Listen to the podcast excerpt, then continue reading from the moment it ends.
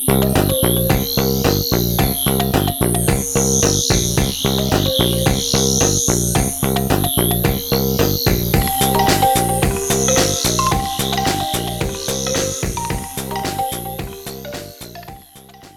lytter nå til en podkast fra Kongsberg bibliotek. Jeg heter Oda Cornelia Knutsen, og denne podkasten er et boktips til deg som har lyst til å lese ei lang bok. Skal nå ta dere med inn i universet til Eleanor Catton i hennes roman De strålende. Den unge Walter Moody ankommer Hokitika på New Zealand om kvelden den 27. januar 1866 etter en uvanlig strabasiøs sjøreise.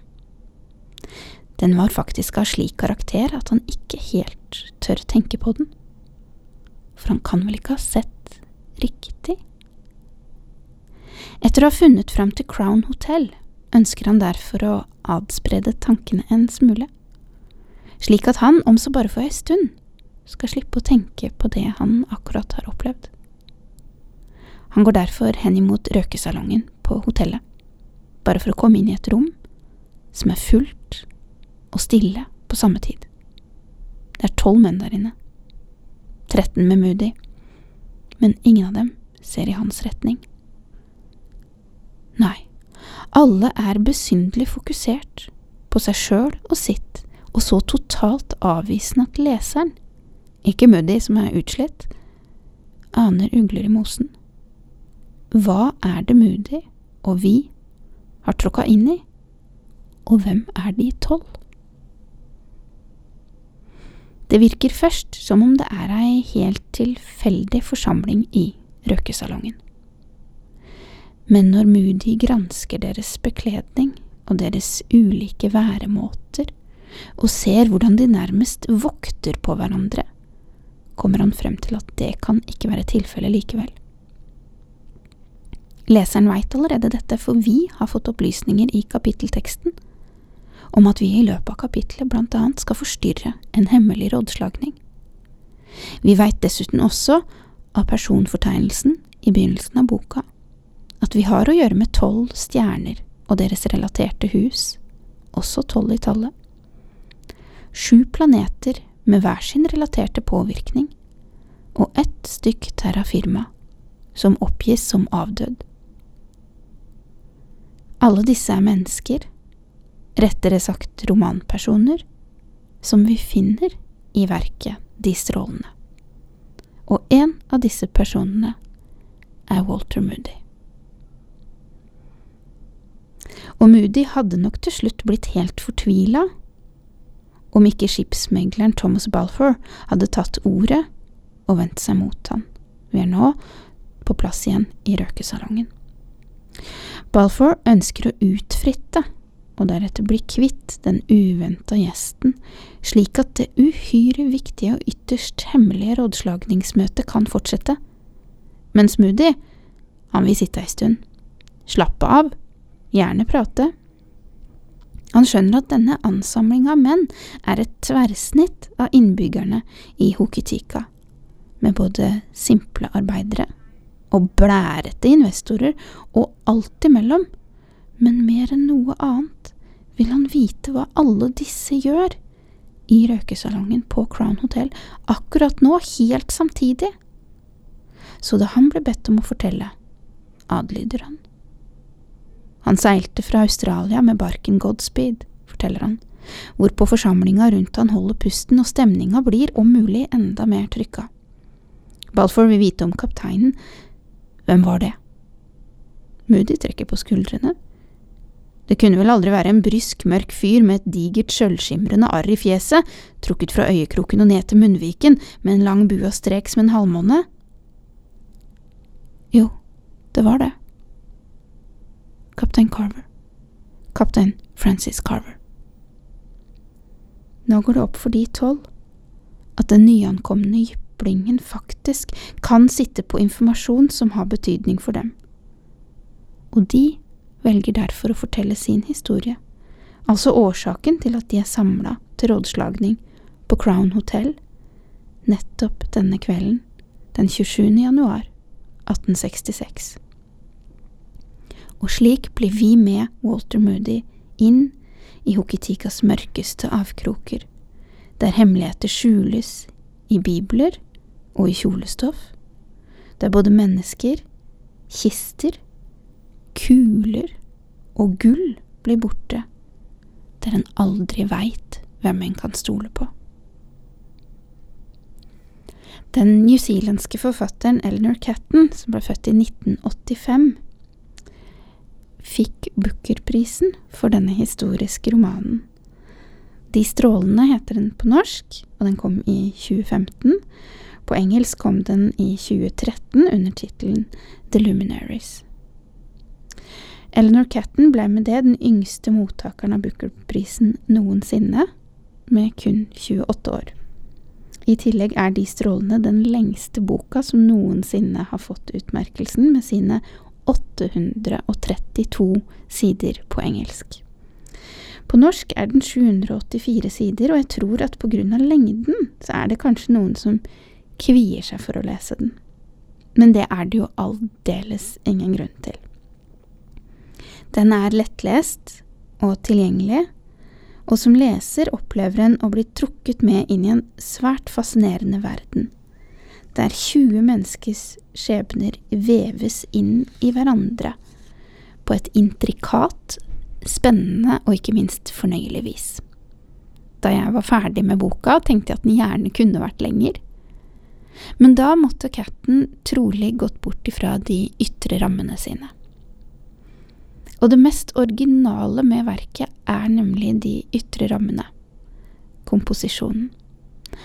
Catten legger astrologiske prinsipper til grunn, altså en forestilling om at våre menneskeskjebner påvirkes eller styres av hvordan stjernene og planetene på himmelen står i forhold til hverandre. Tilbake i 1865 og 1866, åra romanen utspiller seg i, var det mange som søkte mot astrologi og brukte det for å forklare brå, uventa og unaturlige hendelser.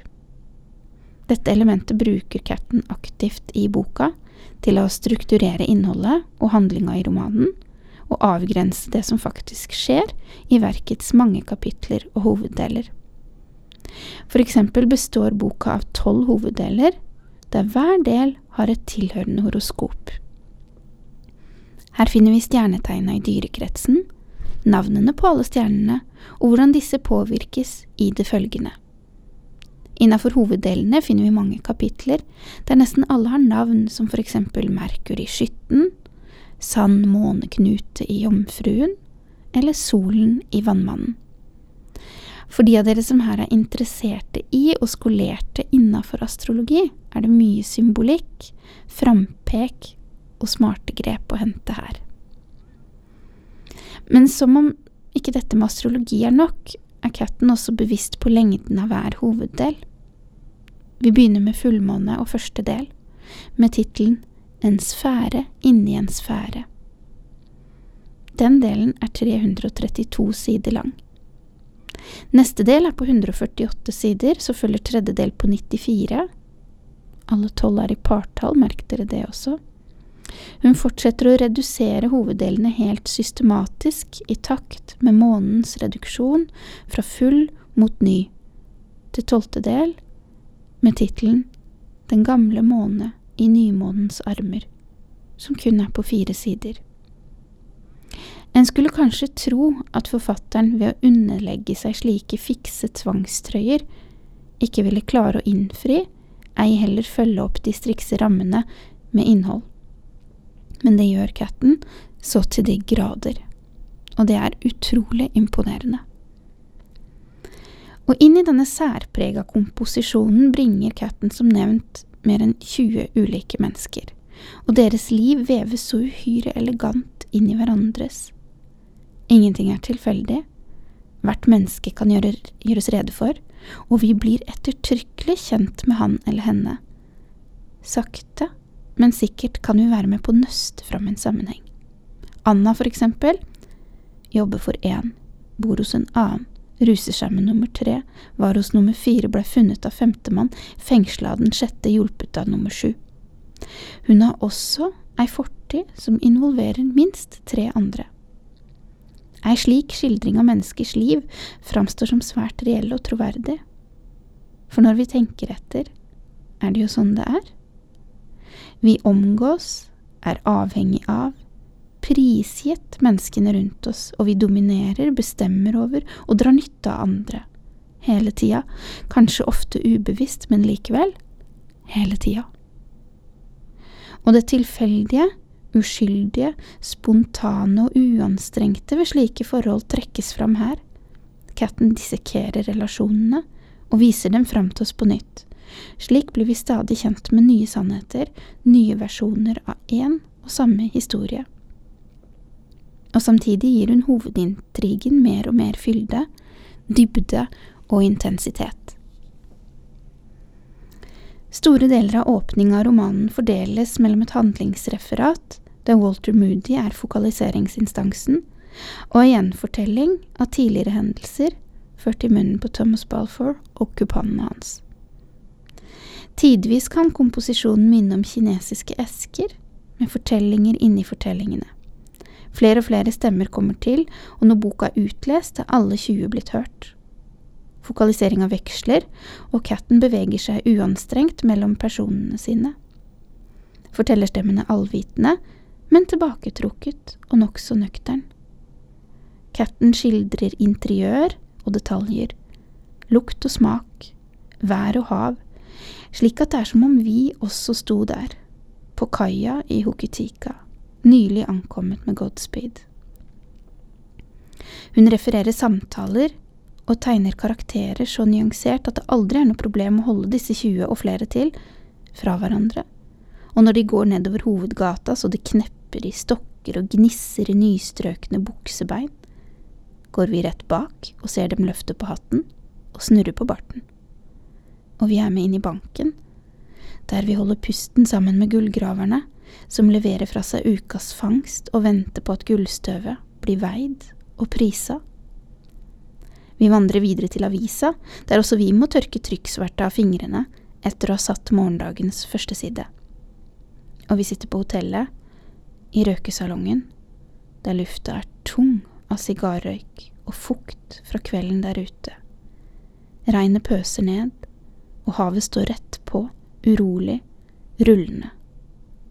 Vi skvetter også når døra slås opp og guttungen velter inn, søkkvåt, og vi må bare lese litt fortere der han hiver etter pusten mens han endelig klarer å sette ord på det han har sett.